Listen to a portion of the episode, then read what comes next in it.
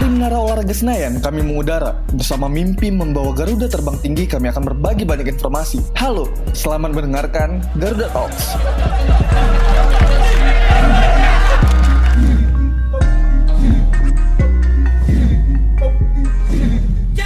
Kembali lagi di Garuda Talks episode yang kesekian Masih bersama saya Mozaik Ali Samer dan rekan saya Gary Maulana, Gary Maulana siapa nih? Gary Maulana Tiar. Oke Gary Maulana Biar gampang, biar gampang dicari di LinkedIn Ji.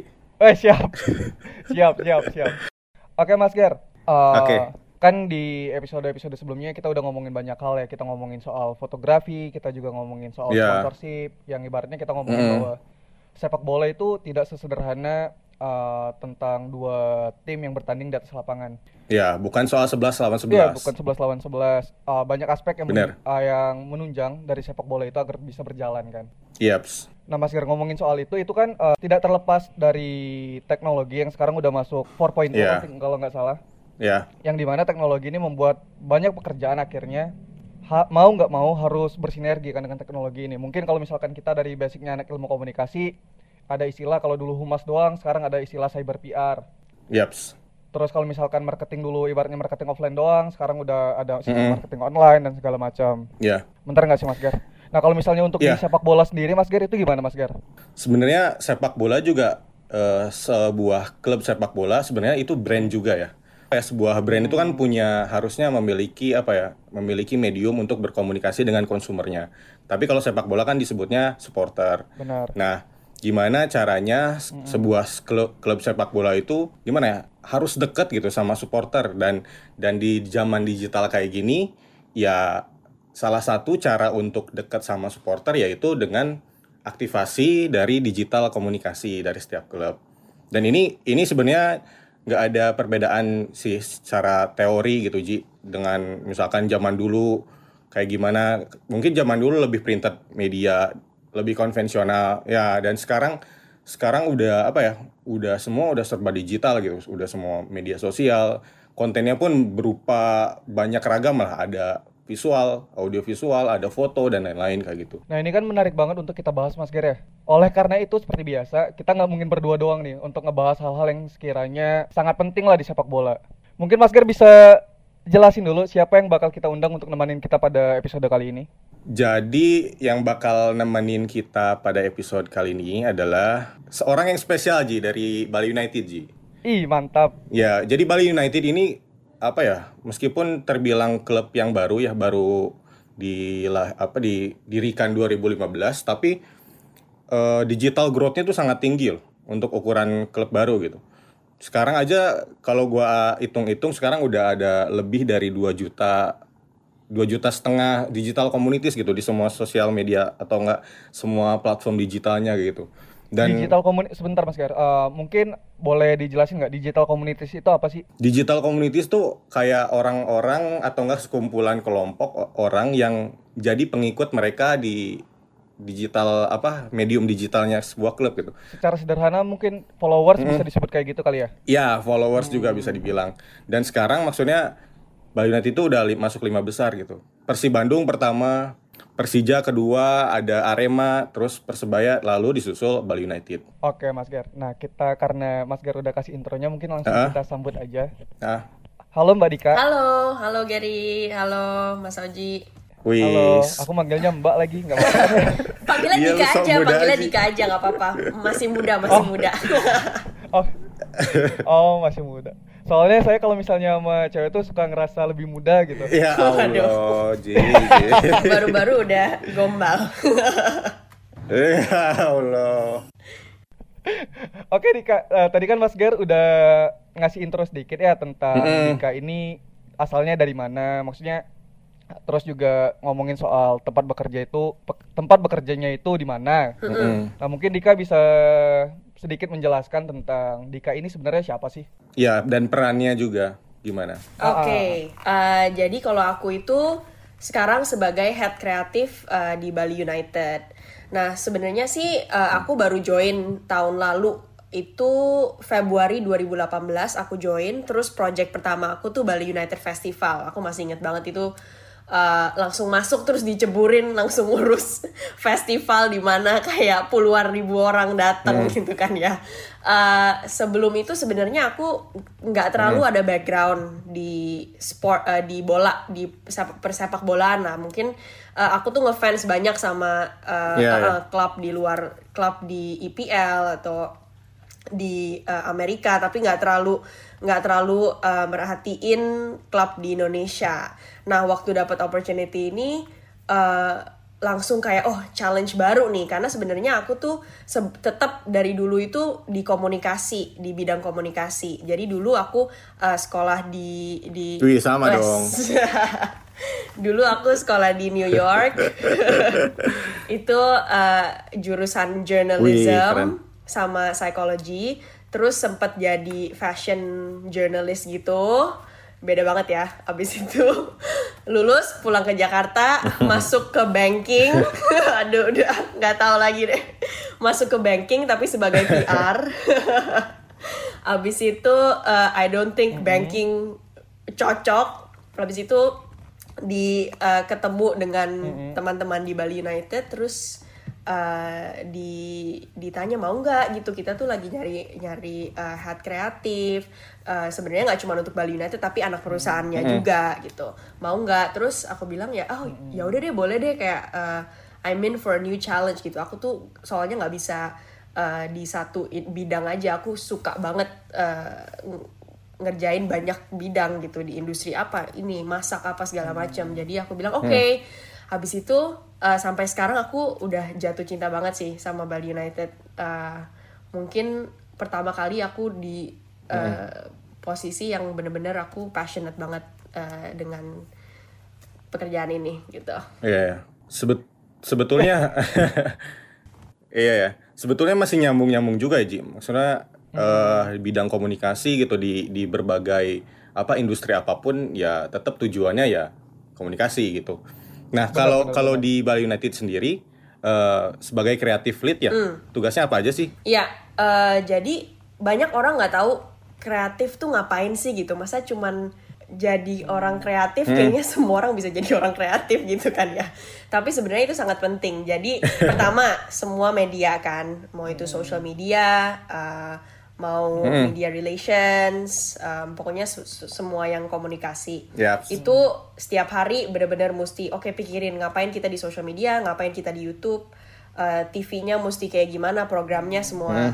Terus abis itu ada bagian branding. Jadi segala aspek di Bali United di, Ya. di, di Bali United and I'm sure di klub sepak bola lain juga ya dan di bisnis lain itu perlu branding. Gimana cara kita eh, apa ngedekorasi stadion eh, jadi lebih eh, keren gitu ya kan? Gimana cara kita eh, ngedesain merchandise jadi orang lebih merasa eh, lebih tertarik Ya. gitu untuk beli ya kan? Terus gimana banyak sih radio gitu misalnya ya kan? Kita kan juga punya Bali United FM program-program apa yang seru di radio. Terus eh, dari Bali United Cafe eh, gimana cara kita ngepromoin si eh, menu ini jadi keren? Atau kampanyenya kampanye kampanye apa sih yang diperlukan oleh dari seluruh Bali United? Itu termasuk dalam kreatif juga. Dan ada tim-timnya sendiri juga ya. Jadi nanti ada tim radio ada tim TV ada tim ini tim store gitu. Jadi kita bekerja sama semua. Dari situ sih uh, peran kreatif tuh sangat uh, penting di bagian image uh, dan uh, promosi Yep. uh, sebuah klub sepak bola Iya, karena menurut gua ya, Ji, eh, untuk ukuran public relation yang bagus, biar klub atau brand pengen punya image yang bagus, ya harus saling kerjasama satu sama lain gitu kan. Semua divisi gitu. Jadi jadi emang divisi kita, misalkan seorang PR, ya nggak bisa ego sektoral gitu. Harus semuanya bareng-bareng. kayak gitu. betul Oke, tapi eh, aku ada mau ditanya ini. Kan eh, tadi ada nyinggung soal branding dan Hmm. brandingnya juga banyak hal kan kayak dari stadion, terus merchandise, terus semuanya. Sebenarnya kalau dari Dika sendiri, apakah ini tuh sesuai dengan visi dari Bali United sendiri ataukah ini emang Dika memikirkan kayak oh emang udah saatnya pasar kita udah berubah dan emang harus kita nih yang gerak. Itu boleh Uh, dijelasin nggak? sebenarnya kan dari tahun 2015 ya visi Bali United tuh udah uh, pengen uh, bikin sepak bola di Indonesia maju gitu ya. Uh, jadi makanya tumbuhlah Hmm. ini satu klub yang super modern, langsung uh, uh, apa Hmm. growth-nya langsung pesat banget. Terus uh, udah Iya, punya visi untuk go public di IDX ya kan. Jadi kita klub pertama yang di Southeast Asia. Jadi emang dari dari dulu tuh Yeah. visinya dari du- tahun 2015 untuk jadi yang uh, apa trendsetter ya kan. Uh, jadi sih sebenarnya aku cuman iya aku melakukan aku merasa aku melakukan hal yang uh, sangat satu arah sama visi Bali United dari sejak 2015 gitu ya. Jadi uh, paling uh, gimana cara kita terus berinovasi dan modify untuk lebih cocok kekinian ke masa kinian. Misalnya uh, oke sekarang yang dulu tuh orang tuh gencarnya di YouTube atau di Twitter, di Facebook gitu kan. Sekarang tuh lebih Instagram dan TikTok gitu misalnya. Ya YouTube masih lah, masih juga masih sangat sangat sangat Yeah. tinggi. Tapi uh, gimana cara kita terus berinovasi untuk uh, apa uh, untuk buat si Bali United selalu beyond football. Ini kan campaign kita dan dan uh, slogan kita itu kan Bali United beyond football ya. Yeah. Gimana cara kita selalu surprise our fans, menghibur our fans uh, dan juga memperkenalkan Bali United ke ke market yang nggak cuman orang Indonesia itu sebagai uh, yang beyond football. Kalau boleh tahu, Beyond Football tuh itu diinisiasi sama Dika atau memang sebelumnya udah ada? Eh, kebetulan pas aku masuk eh, salah satu project aku Oh, juga eh, eh, pertama Beyond Football. Hah. Jadi eh, apa eh, waktu aku masuk itu Februari, terus lagi persiapan Bali United Festival itu juga sekalian persiapan IPO Bali United.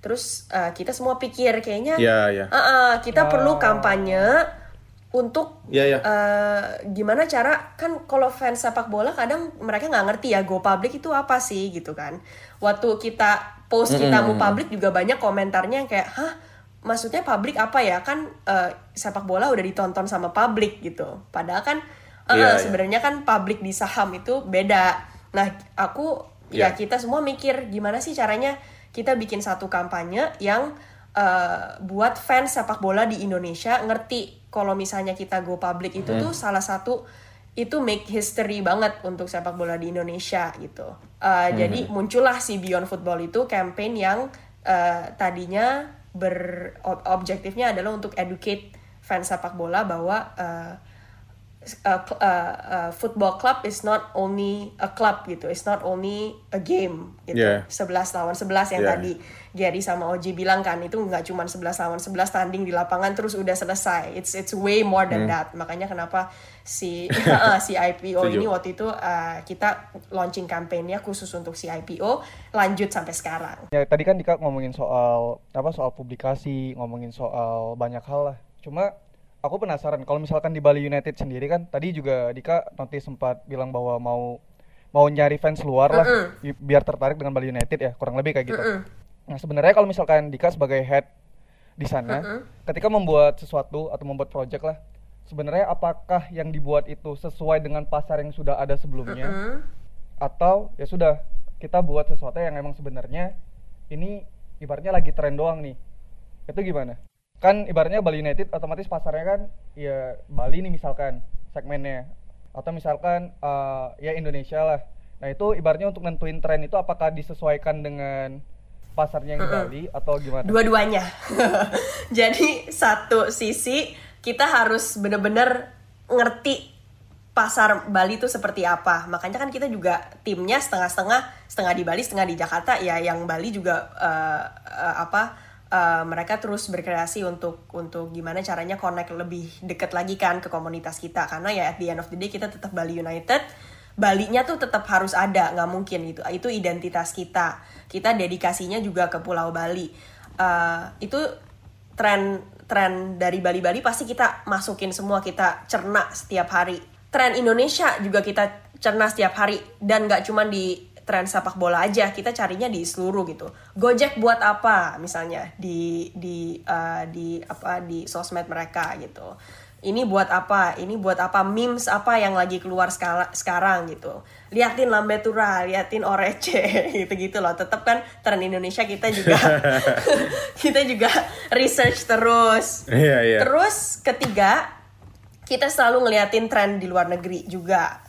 Eh, dan nggak cuman tren di persepak bolaan di luar negeri ya tapi seluruh dari musik eh, fashion food eh, apa entertainment pop culture itu semua kita kita cerna sih. Itu mungkin salah satu yang I think is very important juga untuk berani melihat eh, referensi keluar eh, sports atau keluar masculinity juga gitu. Jadi Iya, eh, iya. eh, eh, kita kita Iya lihatnya dari keluar dari situ gimana cara kita bisa adaptasi ke kita juga. Jadi nggak ketinggalan juga. Takutnya kita cuman di sports doang tapi nggak pernah bikin gebrakan keluar situ juga eh, takutnya eh, terlalu in your bubble gitu. Dan salah satunya ya yang ketika eh yang pop culture itu kalau nggak salah ya sering gua lihat Bali United itu posting ketika mau match day itu pakai pendekatan poster film. iya Iya iya iya iya, betul betul betul Iya. iya aduh itu itu salah satunya pop culture jadi setuju. Iya, setiap setiap match day kita aduh, kalau nggak ada film gimana ya kita keluarin apa gitu. Terus kita selalu milih film yang harus mereka eh, suka juga gitu, nggak bisa tiba-tiba kita keluarin yang film nggak nggak ada Iya. orang kenal juga kan gitu. Yang lagi happening kan. Iya iya iya iya. Itu juga something yang very fun to do sih sebenarnya. Tapi kadang-kadang stres kalau nggak ada film yang ini orang-orang udah nunggu. Dan ini ini gue mau nanya Hmm. juga nih.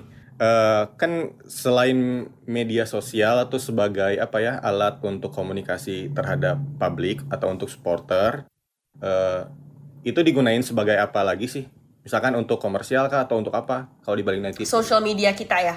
Mm-mm. Eh, kita sih selain untuk pertandingan pertandingan yang pasti satu sponsor ya kan? Karena salah satu memang waktu kita dealing sama sponsor kan eh, benefitnya mereka bisa akses eh, eh, apa ke social media kita kan. Dan itu kita salah satu daya tarik terbesar untuk sponsor adalah social media. Sekarang nggak cuman eh, di offline aja. Karena di mana off- mereka punya benefit berbeda sih offline sama online ya. Kalau offline kan bisa langsung connect eh, ke Yeah. komunitas gitu yang lebih dekat lagi bisa ada talk show apa segala macam kalau offline. Kalau online tuh dia eh, reach-nya kan jauh lebih besar dan dia akan selalu ada di sana nggak akan diturunin. Mm-mm. Eh, eh, jadi dari dua-duanya itu penting sekali bagi sponsor. Itu satu sponsor. Dua itu eh, social impact. Sekarang itu kan eh, menurut aku nggak nggak cukup ya kayak kita sebagai eh, apa sebagai apa pun lah mau bisnis mau komunitas atau brand yang punya followers sebanyak itu nggak pakai nggak pakai eh, asetnya untuk do something good gitu misalnya donasi covid ya kan Iya. Eh, karena Iya, eh, iya. karena kita punya segini banyak masa ya kita harus spread awareness atau kemarin itu kita beach cleanup day ya kan karena Bali sekarang eh, gubernur Bali itu lagi Ya. lagi sangat eh, lagi sangat berkomitmen untuk mengurangi sampah plastik Oke, kita harus support itu gitu. Kita harus support itu dari sisi offline dan online juga. Kita harus edukasi fans kita gitu. Ketiga ya selain yang pertandingan pertandingan, eh, yang ketiga itu kita pakai untuk eh, apa? eh, untuk gimana caranya kita lebih dekat lagi sama fans di luar lapangan. Jadi eh, kehidupan pemain gitu. Kalau fans sepak bola kan mereka apa sih sangat curious gitu kan personalitinya, personalitinya. Pokoknya mereka harus tahu Iya. semuanya. Gue nggak mau tahu. Pokoknya gue harus tahu eh, si Melvin Place hari ini pakai baju apa, merah atau hitam gitu ya. Terus eh apa? Iya, iya. mereka juga moody ya kan. Kalau misalnya timnya lagi kalah, Mm-mm. apa pun konten Iya. yang akan naik sehari setelahnya itu kita dihujat ya kan Setuju. Iya. jadi salah satu Kita Iya, juga iya, merasakan iya. Mas Ger ya. salah satu rule book yang aku punya kalau kita kalah konten sponsor jangan naik setelahnya hold semuanya dulu Iya, iya, Iya kan jadi kita tetap harus ada satu konten neutral gitu gimana caranya kalau lagi kalah kalau lagi menang kalau lagi apa ini konten tuh yang tadi kan kita sempat bahas ya evergreen gitu jadi uh, apa tentang kehidupan pemain ya kan? Uh, tentang kehidupan di balik layar Hmm. manajemen ya kan? Kita kan juga punya salah satunya podcast yang kita interview staff-staff kita juga karena itu kita juga punya gitu. Atau kita beralih ke radio gitu-gitu sih. Jadi uh, pilarnya di uh, cara menggunakan social media kita ada di situ. Berarti kalau gua tangkap Ji, eh setiap aktivitas sosial media dari Bali United pasti akan ada guideline-nya ketika kalah gimana, ketika Iya, menang iya, ya gimana iya. Ji. aku rasa semua klub juga mungkin punya Karena- guideline-nya Iya, pasti pasti punya gambaran ya ketika kalah tuh harus kayak gimana, Iya. ketika menang harus kayak iya gimana. iya iya Apalagi apalagi soal brand ya kalau at- atau nggak soal sponsor kalau misalkan postingan soal sponsor nanti malah apa sentimen negatifnya malah ke sponsor kan. Hmm, padahal kan ya belum tentu mereka mus- maksudnya bad sentiment ke brandnya kan nggak sama Oh. sekali sebenarnya gitu Iya, iya. heeh. iya Oke Dika, Dika kan tadi cerita banyak ya. Aku ngerasa kayak kerjaannya emang banyak betul nih. kayak kayak ibaratnya semua halnya dikerjain sama Dika. Nah boleh diceritain nggak sih sebenarnya di divisi Dika Uh-uh. sendiri itu ada berapa orang dan mungkin boleh dijelasin juga nggak job desk mereka Iya itu iya secara rinci? iya aku nggak mungkin kerja sendiri sih ini ini tim yang sangat Iya. mantul di Bali United dan semua ide itu kita rata gitu Eh, nggak cuma datang dari satu Hmm. orang itu mungkin kira-kira eh, kita tuh sebenarnya dibagi sih kreatif sama production. Production tuh yang ngevideoin ngefoto eh, fotografi terus desain itu sebenarnya bagian production. Tapi kalau misalnya bisa digabung Oke. kreatif and production kan soalnya mereka kayak eh, sama ya kadang-kadang orang kreatif bisa ngedesain Iya, juga. beriringan. Eh, eh, beriringan. Eh, itu tuh sekitar mungkin eh 8 sampai 10 orang 10 orang lah mungkin ya. Tapi di di Bali dan Jakarta ya. Heeh, karena eh, kenapa kita ada 10 orang? Karena kita nggak cuman ngurusin Bali United tapi kita ada lima eh, apa anak perusahaan including yang e-sportsnya, sports agency, eh, cafe store, eh, radio. Jadi eh, jadi dari tim kreatif ini tuh campaign-campaignnya dibantu sama tim kreatif gitu untuk ke semua ke semua eh, perusahaan. Jadi menurut aku lumayan besar sih eh, tim kreatifnya. Nggak cuma si Mimin sama aku doang maksudnya. Iya. Kalau di ini ya, gue mau tanya soal apa eh, social media management ya. Nah, apakah itu s- apa ya miminnya itu cuma satu atau miminnya ada banyak? Terus eh, setiap apa ya setiap setiap treatmentnya di sosial media yang berbeda kan platformnya beda-beda ya. Twitter, Facebook, Instagram itu kan karakteristiknya berbeda-beda. Apakah itu di di apa ya diimplementasi sama aja ketika di Instagram, Twitter sama aja gitu semua. Apa ada yang bikin diferensiasinya apa yang bikin beda? Iya. Eh, pertanyaan yang pertama yang mimin beda-beda atau ini ya atau satu-satu. Mm-mm. Satu mimin mungkin pegang kayak tiga atau empat akun gitu. Terus nanti ada mimin lagi yang pegang tiga atau empat akun gitu. Tapi mereka sekalian jadi kreatif dan melakukan banyak hal lain ya, nggak cuma nulis caption sama ini doang gitu.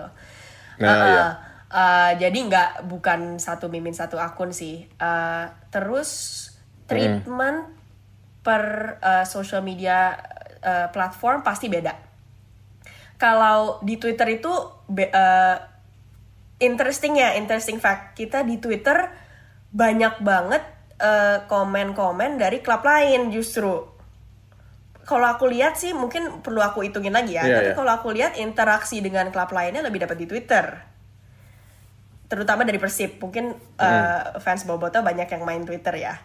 Em, ter kayak waktu itu kita launching jersey itu banyak banget. Mungkin lebih banyak komen dari klub lain daripada klub kita sendiri gitu Eh, jadi treatmentnya pasti beda. Kalau di Twitter itu lebih conversational. Di Twitter tuh boleh nge-spam. Di Instagram itu nggak boleh nge-spam. Jatuhnya iya.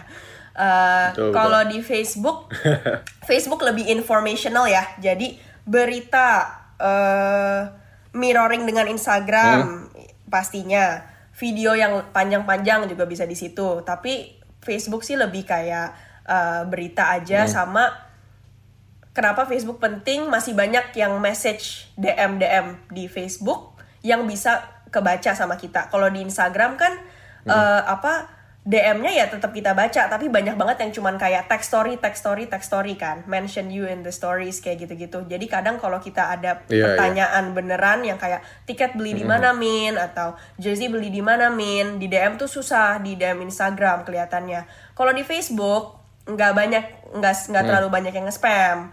Jadi bales-balesnya untuk uh, informational yang penting-penting tuh enak lewat Facebook gitu. Iya. Heeh, jadi sebenarnya ya eh, itu Lebih iya, customer servicing yes, gitu ya? betul lebih sih iya iya betul lebih CRM-nya di situ.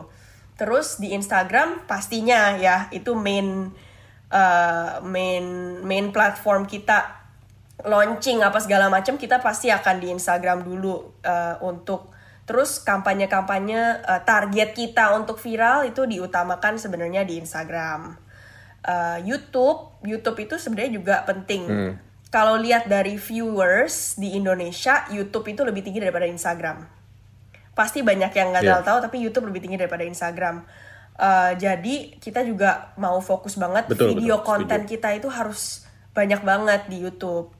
Eh, dan nggak usah yang panjang-panjang tapi yang kayak 5 menit 5 menit tentang tanya-tanya yuk gitu atau yang simple-simple itu yang gampang dicerna itu YouTube sa- eh, apa sangat eh, apa benefit banget di situ. TikTok kita ada TikTok sekarang. Eh, TikTok beda lagi. Eh, marketnya itu eh, mereka lebih muda-muda. Jadi em, fans kita yang masih sekolah, SMP ke bawah atau SMA itu Gen Z ya. Gen Z gitu ya, Gen Z. Gen Z itu semua di TikTok. Iya. Jadi uh, uh, treatmentnya kita di TikTok juga beda. Mm-mm. Lebih yang receh-receh, pokoknya yang ngetren-ngetren kita tinggal pakai ininya gitu, ngajak-ngajak duet. Uh, makanya kita kemarin bikin TikTok challenge uh, tarian kita Mm. sendiri di TikTok gitu sih. Jadi semua Iya, iya. treatmentnya beda. Hmm, Mozaik main TikTok tuh. mana ada? Serius, bohong lu, jangan bohong lu. Kayaknya kita karantina jadi TikTokan semua pasti fix. You are listening Garda Talks.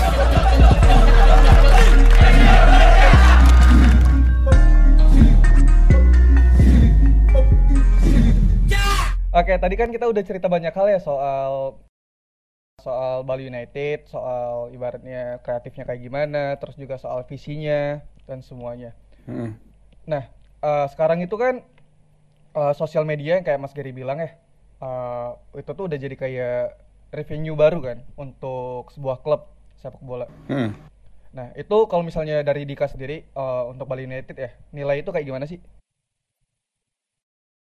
Hmm, besar banget sih kalau menurut aku social media aset yang bisa uh, jadi masukan revenue itu sangat benar. Ya sekarang kalau kita lihat uh, apa influencer aja uh, mereka berapa ratus k udah bisa buat berapa gitu kan ya. Iya, iya.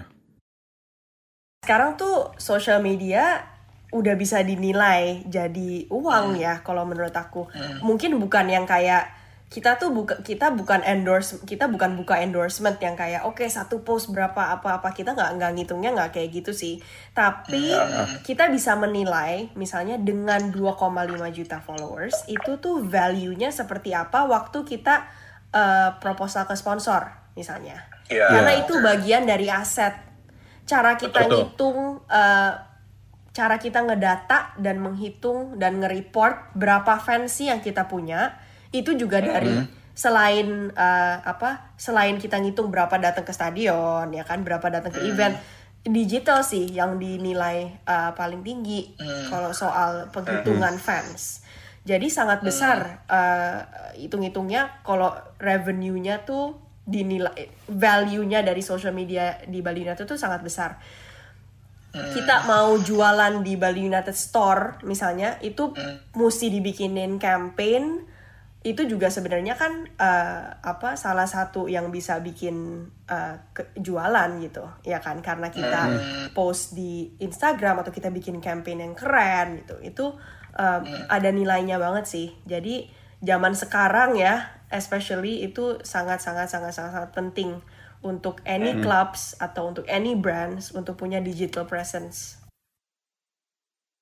Kalau menurut Dika ya, eh, soal landscape digital di sepak bola Indonesia, kalau menurut lu gimana sih sekarang? Termasuk sama klub-klub lain gitu ya? Kalau dari view lo kayak gimana? Kayak tren tren digital sekarang ya di klub-klub lain. Hmm. Kalau menurut aku ya dibanding sebelumnya eh, di- dibanding beberapa tahun yang lalu misalnya, dibanding setahun yang lalu deh, kayaknya tuh nggak- Iya, iya. eh, apa sekarang tuh klub-klub di Indonesia tuh lebih berani untuk melakukan sesuatu yang beda di social media. Eh, aku Iya.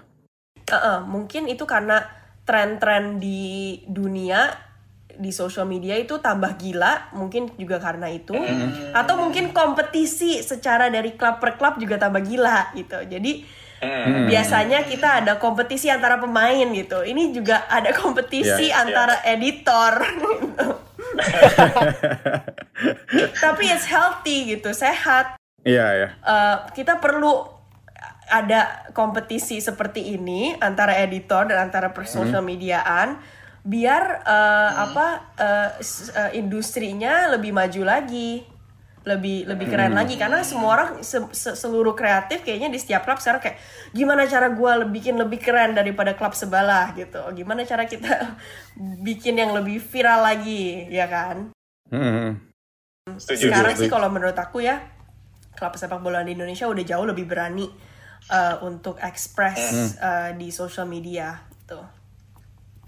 Mengamini yang tadi Mas Gere yang ngomongin soal kompetisi antar editor dan antar divisi kreatif mungkin iya. klub ya. Mungkin kita sering kan kayak kita punya beberapa teman juga yang jadi editor video di beberapa klub. Jadi setiap Ah. misalkan ah, kan Bali United kemarin promonya tuh cukup menggelegar ya. Ada yang Bali Baliku Hmm. gitu-gitu ya. Itu ya jersey jersey Yang joget-joget gini. Iya promo-promo jersey itu tuh uh, jadi beberapa uh, teman kita di klub tuh juga langsung notice mereka langsung kebingungan kira-kira mereka harus buat kayak gimana Hah. karena patokannya bukan lagi tuntutan supporter kalau biasanya kan mungkin dulu kayak ah supporter lagi pengen ini nih oke kita buat Iya. tapi sekarang tuh lebih kayak Hmm. wah klub ini nih bikin kayak gini masa kita Iya. gini-gini doang sih Benchmarkingnya kayak gitu lebih tinggi. Iya, pressure-nya jadi jadi kayak naik kelas gitu ya. Kayak semuanya harus uh, ha-ha. Iya. Nah, berarti kan untuk itu kan kita kan harus terus berpikir kreatif ya. Itu harus ide itu harus terus datang kayak gitu-gitu. Nah, kalau misalkan untuk Bali United sendiri nih Dik, itu gimana sih cara ibaratnya untuk proses kreatifnya sebelum konten itu naik? Boleh diceritain nggak? Hmm. Nah, eh, kalau soal pro- proses kreatif, pastinya ada yang cepet, ada yang lama. Jadi kalau yang cepet tuh kita perlu post announcement itu pasti akan cepet banget ya kan. Tinggal tinggal pikirin kita udah ada template gitu. Eh, tapi sebelum itu semua, kayak se- setiap tahun itu kita pasti ganti mood eh, mood design. Sebenarnya more than a Oh, year sih iya, iya. kayak mo- eh, mungkin setiap setengah tahun gitu kita ganti kita ganti mood jadi eh, kita di awal tahun kita pikirin dulu kampanye apa yang kita akan push di tahun ini ya kan jadi kita pikirin komunikasinya dulu bukan desainnya dulu bukan editingnya dulu tapi uh, more before that gitu. Jadi pertama kita research. Sekarang tuh uh, yang lagi penting itu apa, ya kan? Uh, sekarang uh, tahun ini tuh kita mau ngapain aja. Tahun lalu uh, kita ngapain aja, se- seberapa uh, sukses kita ngelakuin kampanye ini tahun lalu. Jadi kita dari dari dari data semua itu yang masuk ke tim kita, kita mikir lagi, oke tahun ini berarti kita harus melakukan seperti ini. Kayak misalnya tahun ini tuh selain Beyond Football kita ada namanya This Is Our Home. Itu inspirasinya karena eh, sebenarnya karena Pulau Balinya sendiri. Karena Pulau Bali itu lagi yang tadi aku bilang kan sempat bilang bahwa Gubernur Bali lagi nge- ngejalanin kampanye yang eh, ngurangin sampah plastik gitu ya. Jadi eh, kita tuh kepikiran sebenarnya tuh kita juga perlu dedikasi ke Bali lebih dari cuman eh, growing komunitas ya kan ke Banjar-Banjar gitu ngadain event. Jadi kita tuh mesti mesti edukasi fans juga. Eh, gimana kalau kita bikin kampanye eh, yang eh, ngajak fans untuk eh, lebih aware dengan lingkungan gitu. Uh, lebih aware dengan sampah mereka, lebih aware dengan pantai-pantai yang sekarang kotor gitu. Makanya kita buat uh, This is our home.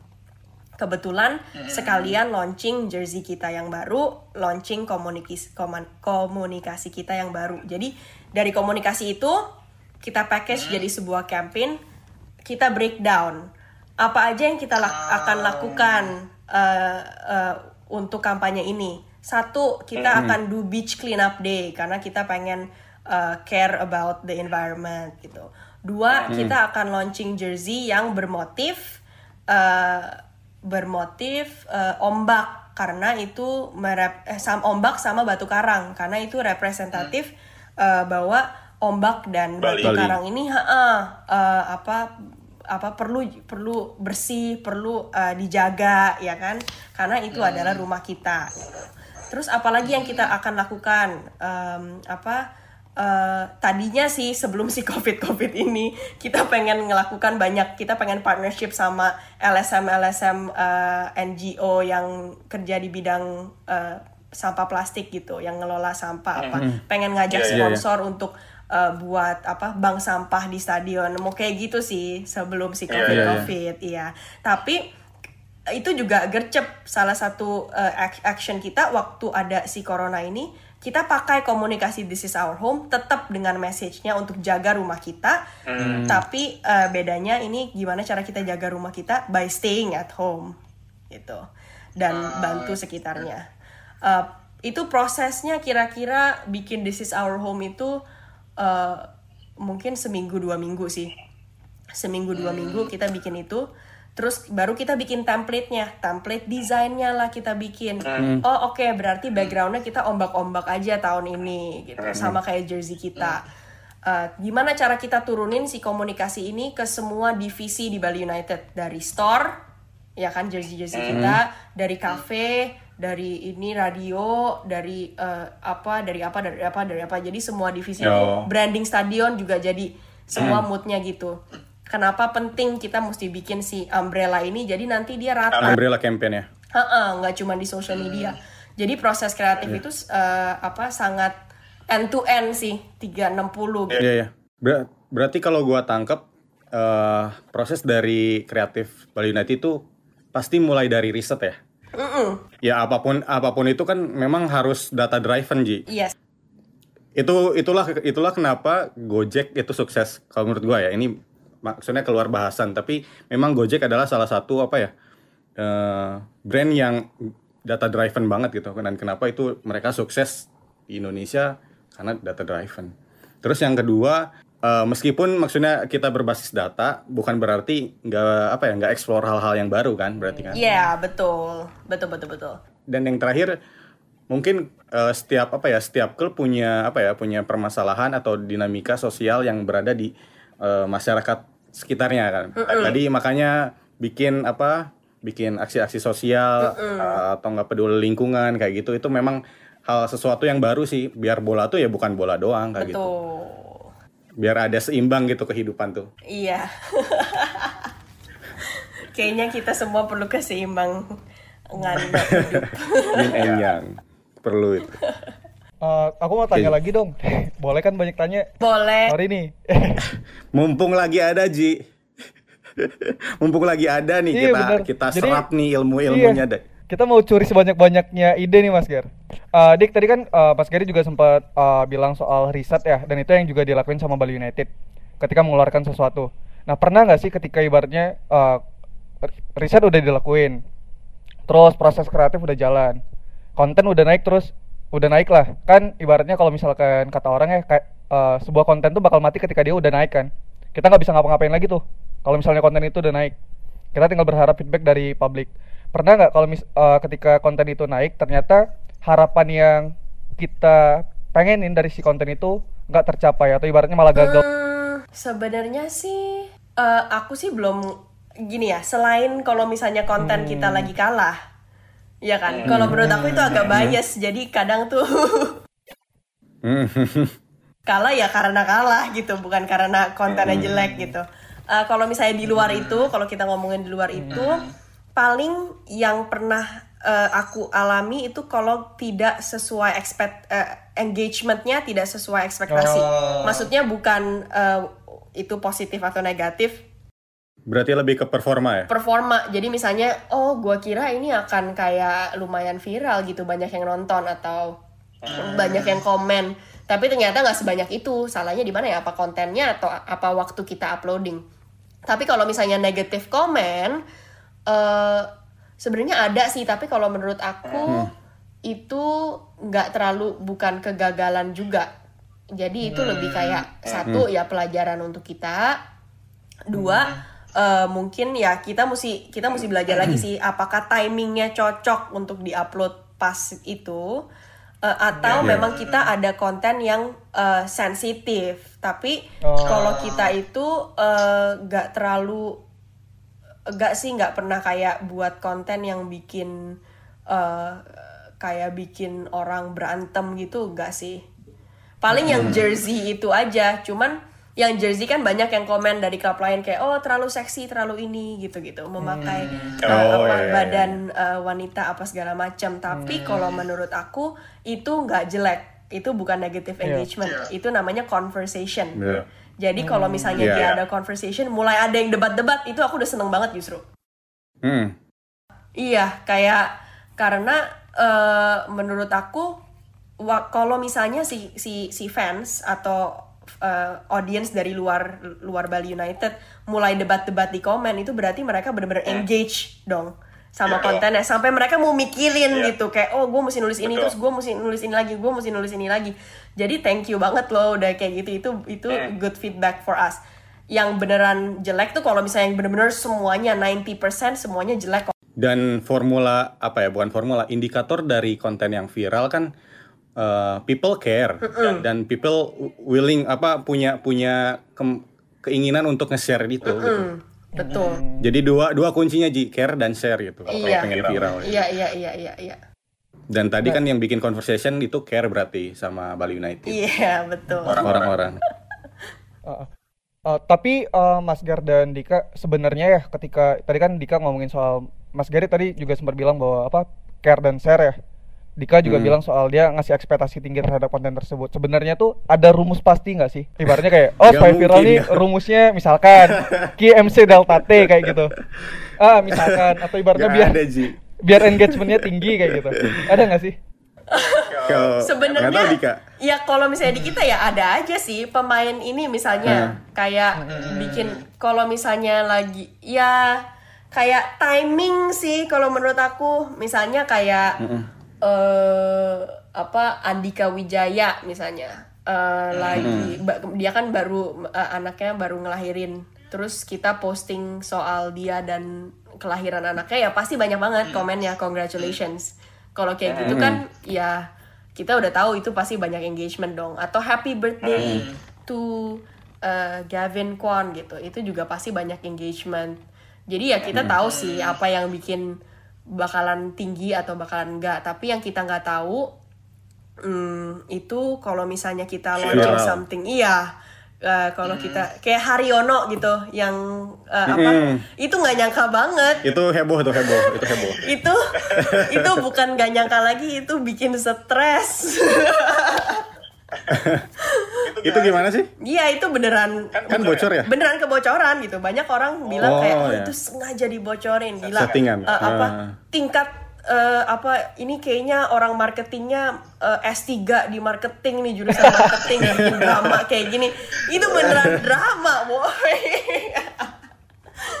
aduh udah mau hampir aduh kacau sih jadi kayak beneran bocor sebenarnya beneran bocor terus eh, itu grup kan itu eh, di kreatifnya ada kayak si WhatsApp grup WhatsApp grup tim kreatif gitu kan. Iya, iya, iya. Eh, itu grup beneran ada. Jadi kita emang buat grup namanya bukan gitu ya bukan big boss apa segala macam. Cuman itu grup beneran ada. Kita tuh eh, ngobrol-ngobrol khusus untuk launching pemain memang di situ. Dan grupnya sangat confidential. Cuman bisa berapa orang di situ.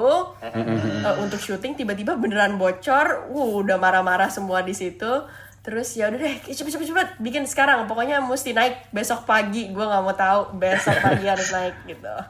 Eh, akhirnya editor kita dan tim kita yang sangat mantul buat si ide ini gitu sampai mereka lembur-lembur.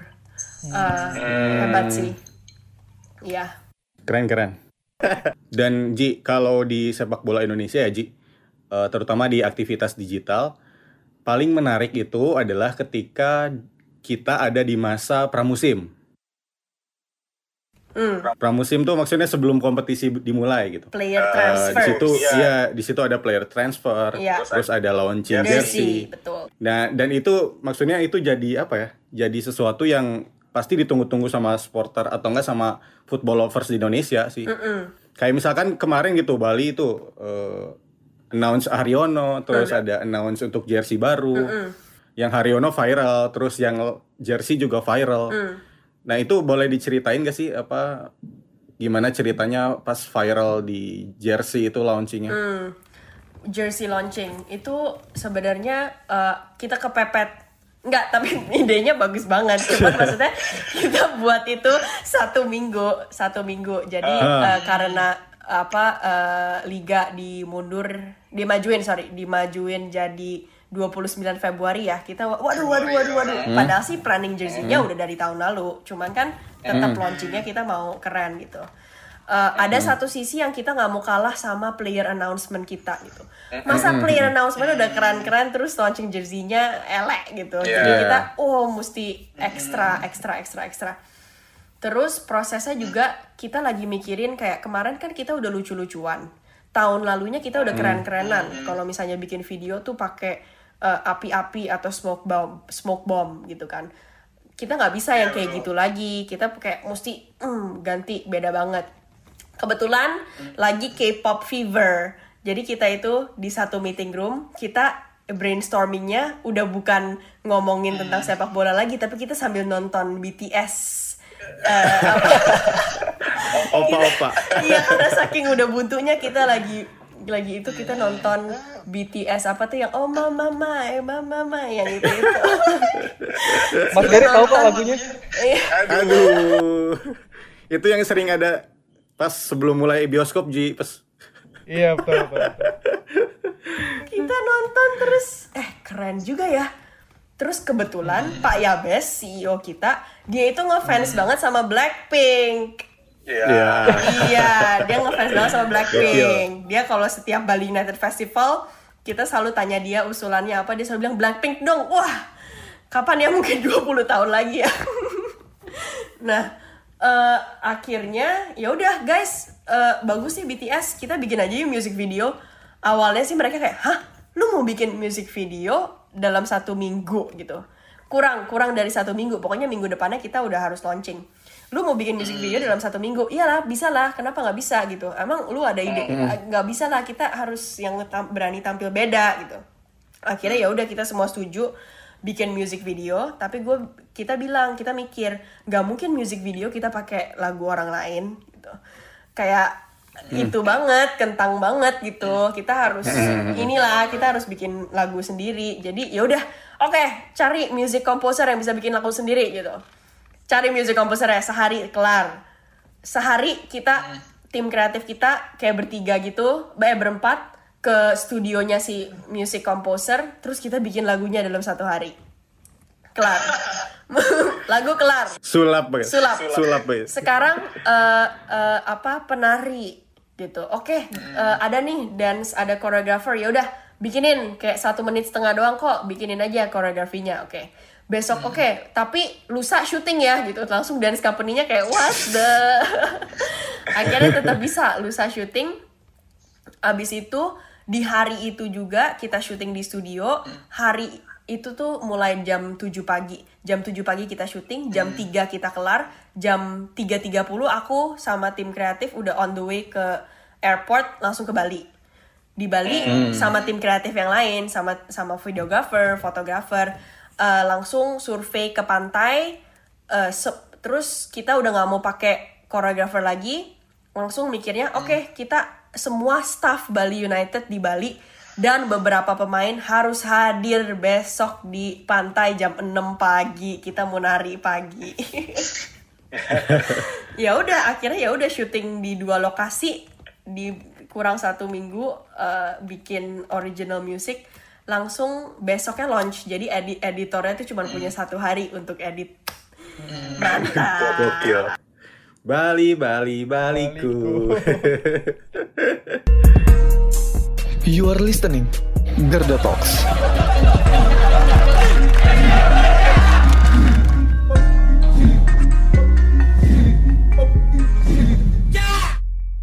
Ya, kita ada challenge apa untuk Kak Dika? Sebenarnya kita pengen pengen ini sih, pengen eh, tahu lebih lanjut, tapi dengan pertanyaan yang apa ya, rapid question gitu, challenge-nya. Jadi harus dijawab Oke, dengan cepat kayak gitu. saya jawab secepatnya Jadi siap, iya, siap-siap aja ya. oke oke oke Ini selain langsung aja ya, selain Bali United, klub Liga 1 yang punya konten-konten media sosial paling bagus siapa sih? Alasannya enggak? satu aja atau bisa beberapa Satu Oke. aja boleh. Eh, Persib. Persib eh, dia s- alasannya selalu rapi eh, apa eh, photoshoot photoshootnya selalu kreatif. eh, mereka bikin GIF stickers bagus lah. Dika, biasanya pemain yang paling susah di brief dan yang paling gampang di brief siapa sih? Waduh, susah banget. paling gampang rata-rata semuanya lumayan gampang sih. Sebut aja, sebut Yang dong. paling gampang. Siapa tahu pemain timnas. Eh, sebenarnya rata-rata mereka tuh sangat kolaboratif. Eh, Gavin, Gavin, Gavin itu eh, eh, apa di brief lumayan em, apa sangat responsif lah, maksudnya sangat mengerti brief. Mungkin karena dia juga sangat eh, dia dia dia aktif di sosial media juga. Jadi rata-rata pemain yang aktif di sosial media itu eh, sangat gampang di brief. Eh, kayak Lili Pali gitu kan, Spaso gitu. Itu karena mereka eh, udah sering aktif di sosial media.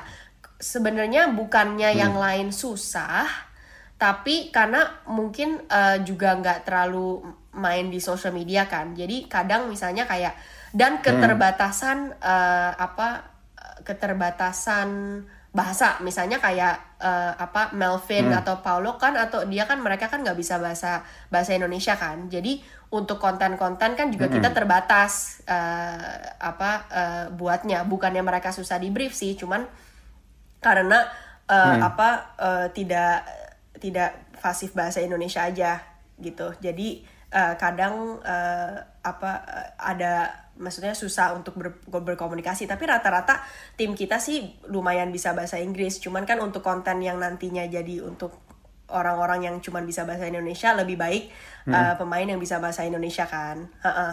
Heeh, gitu sih jadi bukannya oh yang ini sering ribet apa segala macam Oke. Aku mau tanya. Jadi pilih pilihnya pilih salah satu di antara yang aku sebutin ini ya. Hmm. Konten requestan dari supporter atau eh, requestan dari sponsor. Wadaw, ini susah banget. Nggak bisa dua-duanya ya. Oh, aku tahu.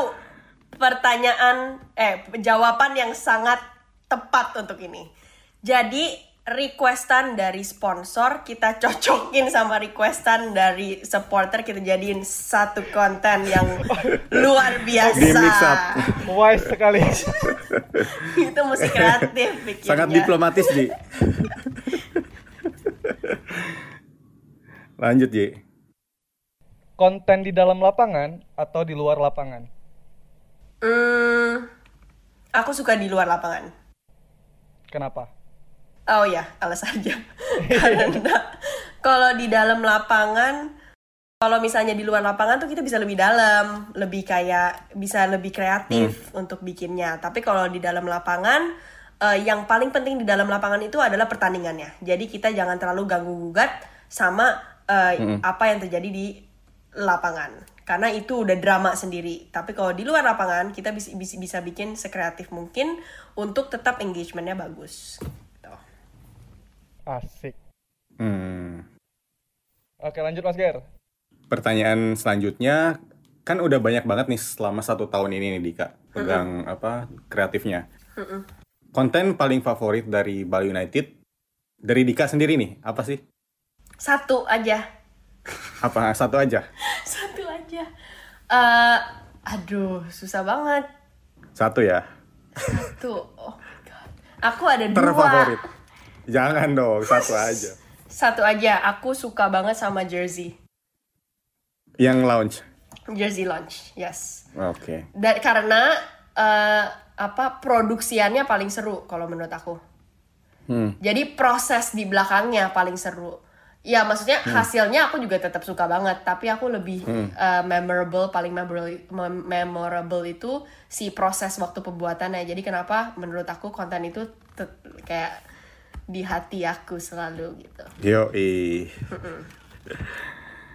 Oke Ji, lanjut Ji. Ini pertanyaan yang tadi kan eh, Dika ngomongin soal apa Mas Gar nanya soal pemain favorit pemain yang paling gampang dan susah untuk di brief ya. Nah, kalau pertanyaanku menurut Dika siapa pemain paling favorit bagi Dika untuk diajak kerjasama? Wow, Satu aja satu. favorit, favorit diajak kerjasama. Mm-mm, Yang ngasih, misalkan ngasih ke kontennya jadi bagus, Iya. ngasih impresinya bagus atau gimana? Aku ada beberapa sih, tapi kalau misalnya aku harus pilih satu, mungkin aku pilih uh, Gavin. Alasannya karena uh, Jomblo ya, lagi jomblo. karena sangat kooperatif. Oh, Kalau kooperatif. sangat itu loh apa yang aku bilang tadi karena aktif di sosial media jadi uh, kalau misalnya apa misalnya photoshoot gitu jadi dia tuh bener-bener kayak eh mau lihat dong hasil photoshootnya oh kayaknya badan gua kurang ke kanan ya atau kurang ke kiri Oh, ya iya, gitu iya, iya. jadi kayak uh, apa dia tuh udah bisa ngarahin diri sendiri sebelum uh, kita eh, sebelum kita ngarahin gitu. Dari pertama juga Oke. waktu dia baru syuting player announcement gitu udah bisa mikir-mikir gaya sendiri. Jadi uh, Iya, iya. iya di situ sih kayak uh, apa mempermudah uh, jobnya kreatif. Oh, itu alasannya. Iya gitu. Oke Dika, mungkin ada update-update dari Dika kalau misalnya Bali United, Bali United mau ngapain atau mungkin Dika bisa ditemuin di mana di sosial medianya? Mm-mm, kalau misalkan supporter mau nanya-nanya kayak gitu. Hmm. Oh, jangan lupa follow Bali United FC aja. Kalau yang belum, Kalau- terus update-nya apa ya? Pokoknya kita lagi fokus galang dana untuk COVID. Kita bantu rumah sakit-rumah sakit di COVID, eh di COVID, rumah sakit di Bali untuk alat-alat Hmm. APD. Terus kita akan launching eh, sesuatu project, tapi belum boleh saya bocorkan. Masih rahasia. Masih Oh, rahasia. Jangan lupa juga untuk nonton terus IG live kita. Kita ada weekly masterclass. Anniversary. Itu aja sih. Oke, siap. Oh, kalau Dika sosmednya nggak mau dibagi nih, mungkin ada sobat-sobat Garuda yang penasaran dengan siapa Nama sosok di saya aja, nama saya aja Dika Himawan itu udah sosmednya. Oh, gampang Ji carinya Oke, Ji. jadi buat sobat Garuda yang kepo-kepo nih pengen tahu atau pengen tanya-tanya kayak gitu, mungkin bisa langsung menuju ke Instagramnya Dika atau mungkin Mm-mm. ya di yang tadi kayak Dika bilang di sosmednya Bali United. Mm-mm. Aku sering liatin kok DM DM. Aku sering liatin kok DM DM. Oh, tuh. Facebook ya? DM DM Facebook dan Instagram. Oh, iya. Oke, mungkin cukup sekian sobat Garuda untuk episode kali ini. Makasih banyak udah Ya. dengerin. Dika juga makasih banyak udah berbagi di sini. Terima kasih. Koko, Makasih banyak, Koko. Dika. Siap. Wah, kok, kok, kok, kok. Siap, siap. Siap. Nah, seperti biasa buat sobat Garuda yang mau request untuk uh, mau ibaratnya cari tahu apa tentang industri sepak bola, teman-teman bisa request temanya apa? Tema bahasan atau mungkin pembicara gitu Ji. Betul. Bisa langsung DM di Instagramnya PSSI atau mention di Twitternya PSSI atau Iya. tinggalin komentar di Facebook dan YouTube-nya PSSI. Oh, iya. Betul Mas Gar? Betul sekali Ji. Oke, itu aja cukup sekian. Dah.